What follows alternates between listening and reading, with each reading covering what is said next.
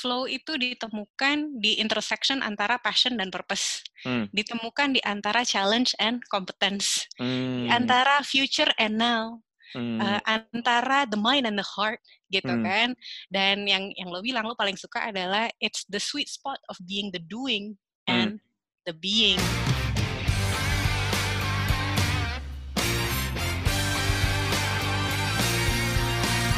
Hai teman-teman, welcome to Follow Your Flow. Pendekatan anti mainstream untuk hidup yang lebih kece. Di sini kita akan kemas diskusi dengan konten yang science-based, practical, dan fun. Yuk, let's get started.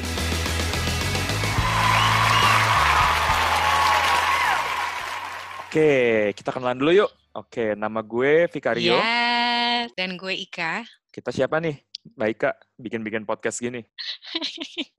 itu pertanyaan paling sulit. Bukan siapa-siapa sih, hanya manusia yang memang suka ngobrol aja Benar. dan Jadi kayak, penasaran tentang banyak hal. nah itu dia. Kita tuh sering banget ngobrol, dan kalau udah ngobrol, nggak tahu lah kayak ngalir gitu aja, dan bisa berjam-jam gitu, kayak dari buku yang kita baca, dari fenomena yang kita observe gitu. Nah terus sih mbak, gue ngerasa obrolan kita cukup berfaedah, at least buat kita gitu. Egois rasanya kayak kayak ngobrolin terus kayak, oh ya gue dapetin sesuatu gitu. Bener. Dan kayak gue tuh berapa kali misalnya habis ngobrol sama lo, terus gue share beberapa hal ke teman-teman gue, dan mereka kayak Hmm. wow gitu loh. Jadi gue ngerasa ya mungkin ada baiknya kita mencoba nih, kita rekam pembicaraan kita, terus kita share, siapa tahu ada yang mendapat manfaat gitu dari perbincangan kita. Yes, absolutely. Yuk kita coba. Jadi kita mau ngobrolin apa kali ini, Vic? Oh, karena ini adalah sebuah episode perkenalan nih, kita pengen kenalan dulu gitu loh. Sebenarnya di podcast ini tuh kita bakal cover apa sih? Hmm. Well, apa ya jawaban yang paling baik buat ini? Um, nothing and everything. Hmm. Eh, dari hal yang paling penting sampai hal yang paling nggak penting. Hmm. Eh, dari hal yang paling aneh sampai hal yang paling biasa, Hmm. gitu kan?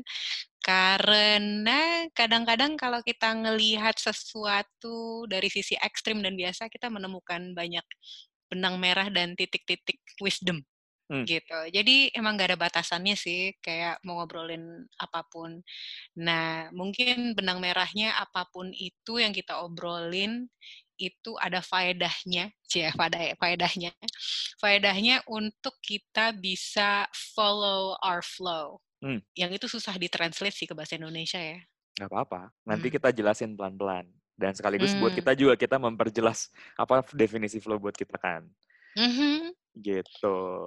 Nah, mungkin lo boleh jelasin dikit, Mbak. Sebenarnya kayak ketika lo nyebut flow ya, flow tuh apa sih gitu? Kan kalau bahasa Indonesia mengalir tuh kan, gitu. Ya, dan kesannya kalau just follow your flow gitu, kesannya tuh konotasinya agak negatif kan. Hmm. Karena gue sering ngobrol orang kayak kekhawatiran orang akhir-akhir ini kalau gue banyak ngobrol adalah gue nggak mau hidup gue tuh cuman ngalir gitu aja. Akhirnya gue dikontrol oleh hidup dan gue tidak menciptakan hidup gue sendiri. Hmm. Gitu. Itu Hmm. bagi gue menarik sih. Um, dan itu sebuah ketakutannya di situ. Tapi flow yang kita bicarain di sini sebenarnya ide pertama kalinya itu hasil risetnya siapa? Mihaly Csikszentmihalyi. Yes, oh kece banget udah bisa menyebutkan namanya dia. Itu asli namanya kalau lo tulis lo nggak akan bisa ngomongin banget. Csikszentmihalyi gitu kayak. Nah, dia itu waktu itu riset tentang motivasi sebenarnya. Hmm. Riset tentang motivasi dan bagaimana kita bisa achieve peak performance. Hmm. Gitu. Peak performance kita tuh bisa ada di mana. Hmm. Dan dia menemukan bahwa peak performance kita itu ada ketika ada balance Hmm. antara challenge, tantangan, dan skill. Hmm. Jadi challenge skill ratio gitu kan. Nah, sejak saat itu terus gue makin banyak menemukan cerita-cerita tentang flow. Hmm. Salah satu cerita tentang flow yang gue akhirnya membuat gue semakin kepo dan mendalami flow adalah cerita tentang seseorang yang bernama Stephen Kotler. Dia itu suatu hari sakit sakit autoimun yang sampai akhirnya dia tuh nggak bisa ngapa-ngapain cuman terbaring di tempat tidurnya nggak bisa ngapa-ngapain dan dia semakin di sini semakin memburuk memburuk memburuk gitu kan Hmm. Nah, yang menarik salah satu sahabatnya datang dan kayak maksa-maksain dia, pokoknya lo ikut gue surfing, ikutin gue surfing, ikut gue surfing. Dia dulu jago surfing, terus pikir lo tahu gue sakit, gue nggak bisa surfing. Pokoknya lo harus ikut gue surfing. Hmm. Jadi suatu hari cuman pengen shut the best friend up gitu kan ya, ya udah fine gue ikut surfing sama lo. Udahlah dia ikut surfing sama sahabatnya. Terus ditenteng, ya kan, ditenteng, ikut surfing, ditaruh di papan, hmm. dia nggak berdiri di surfing, beneran di, dibawa ke tengah laut, terus ya ketika apa menangkap ombak terus surfing. Hmm ya kan? Hmm. Dia mungkin bisa dua tiga kali melakukan itu. Tapi ketika dia melakukan surfing di situ gini, kok gue merasa enak ya gitu. Oh gue hmm. lupa nih rasanya gitu. Ya udah, terus dia tepar pulang. Dua minggu nggak bisa lagi keluar dari tempat tidur. Tapi setiap karena ya udah sakit kan ya. Tapi setiap kali dia bisa lumayan sehat, dia selalu hmm. pergi surfing. Hmm. Ya, yang menarik dia melakukan ini tiga bulan, kok tiba-tiba dia bertambah sehat ya dia bertambah baik ya. Hmm. Kok akhirnya tiba-tiba dia sembuh, quote unquote. Gue melakukan air quote, tapi kadang nggak kelihatan kan kalau di podcast. Betul. Dan akhirnya dia meriset ini, apa yang terjadi, yang gue lakukan cuma surfing. Gue tahu surfing nggak akan me menyembuhkan gue gitu. Hmm. Tapi ada sebuah rahasia di balik di balik surfing yang gue pengen tahu sebenarnya itu apa. Dan dan itu akhirnya membuat gue lebih kepo lagi kan. Gue terus akhirnya gue banyak meriset semua tentang motivasi, peak performance, wisdom yang sudah beratus-ratus tahun kayak yang apa sih nih gitu sebenarnya. Hmm. Dan gue juga sebenarnya belum punya definisi yang kece banget sebenarnya flow itu apa. Tapi bagi gue flow itu adalah the sweet spot, ada titik cantik gitu kan ya, di sebuah intersection beberapa hal. Ini flow itu rasa yang akhirnya muncul, uh, rasa optimum state hmm. di sebuah titik dari sebuah intersection, apa pun hmm. titik itu. Flow itu ditemukan di intersection antara passion dan purpose. Hmm. Ditemukan di antara challenge and competence. Hmm. Di antara future and now hmm. uh, antara the mind and the heart gitu hmm. kan dan yang yang lo bilang lo paling suka adalah it's the sweet spot of being the doing hmm. and hmm.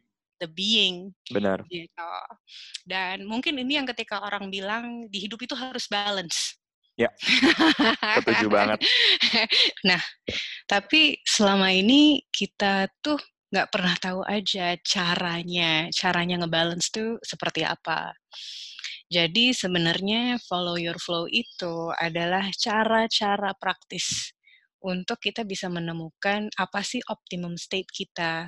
Optimum state sebagai diri kita sendiri, sebagai human being, supaya lo bisa mendesain kehidupan yang paling kece buat diri lo sendiri. Kehidupan apa yang paling lo sukai, nikmati, cintai. Mantap, mantap. Dan menurut gue yang akan kita coba nih di podcast kita hmm. ini, kita akan menggunakan sebuah pendekatan di mana biarpun yang tadi Mbak Ika omongin, wah ini siapa nih Mihaly nih, siapa nih Stephen Kotler gitu. Yes. Kita akan coba banget bikin penjelasannya itu pertama praktikal. Jadi kayak ketika yeah. teman-teman habis ngedengerin uh, podcast kita, bisa ada nih yang bisa langsung dipraktekin untuk membuat hidupnya. Mm -hmm. Terus yang kedua kita akan coba share juga scientific evidence-nya karena kita ya gue dan Mbak Ika nih suka banget baca dan kita selalu tertarik gitu loh. Ketika ada sebuah advice sebenarnya kenapa advice itu make sense? Apa science di balik itu semua? Mm-hmm. dan yang ketiga sebenarnya mm-hmm. kita pengen bikin ini fun. Karena kita tahu sebenarnya ini topik serius banget dan susah banget. Dan supaya kita enjoy ya udah kita bikin sambil ketawa-ketawa lucu-lucuan. Gitu. Ya aku tidak suka hal yang serius-serius Gitu. Well, suka sih, sebenarnya suka sih, tapi ambil ketawa-ketawa aja. iya. Biar lebih biar lebih enjoy, Mbak. Karena kalau terlalu serius nanti kayak berasa otak kita. Benar sih, benar sekali. Ya, yes. itu tadi membalance antara serious and fun, right? Flow. Oke, teman-teman. Sekian dulu perkenalan untuk uh, sesi kali ini. Jangan lupa untuk dengerin kita di episode-episode selanjutnya. Bye-bye. Oke, teman-teman. Sekian untuk episode kali ini. Jangan lupa untuk subscribe ke podcast kita supaya teman-teman dapat update setiap kali kita rilis episode terbaru dan kita janji kita bakal update dan bakal rilis konten secara reguler. Dan juga jangan lupa untuk share ke teman-teman lo kalau lo ngerasa bahwa ini juga bisa berguna buat orang lain. See you next time.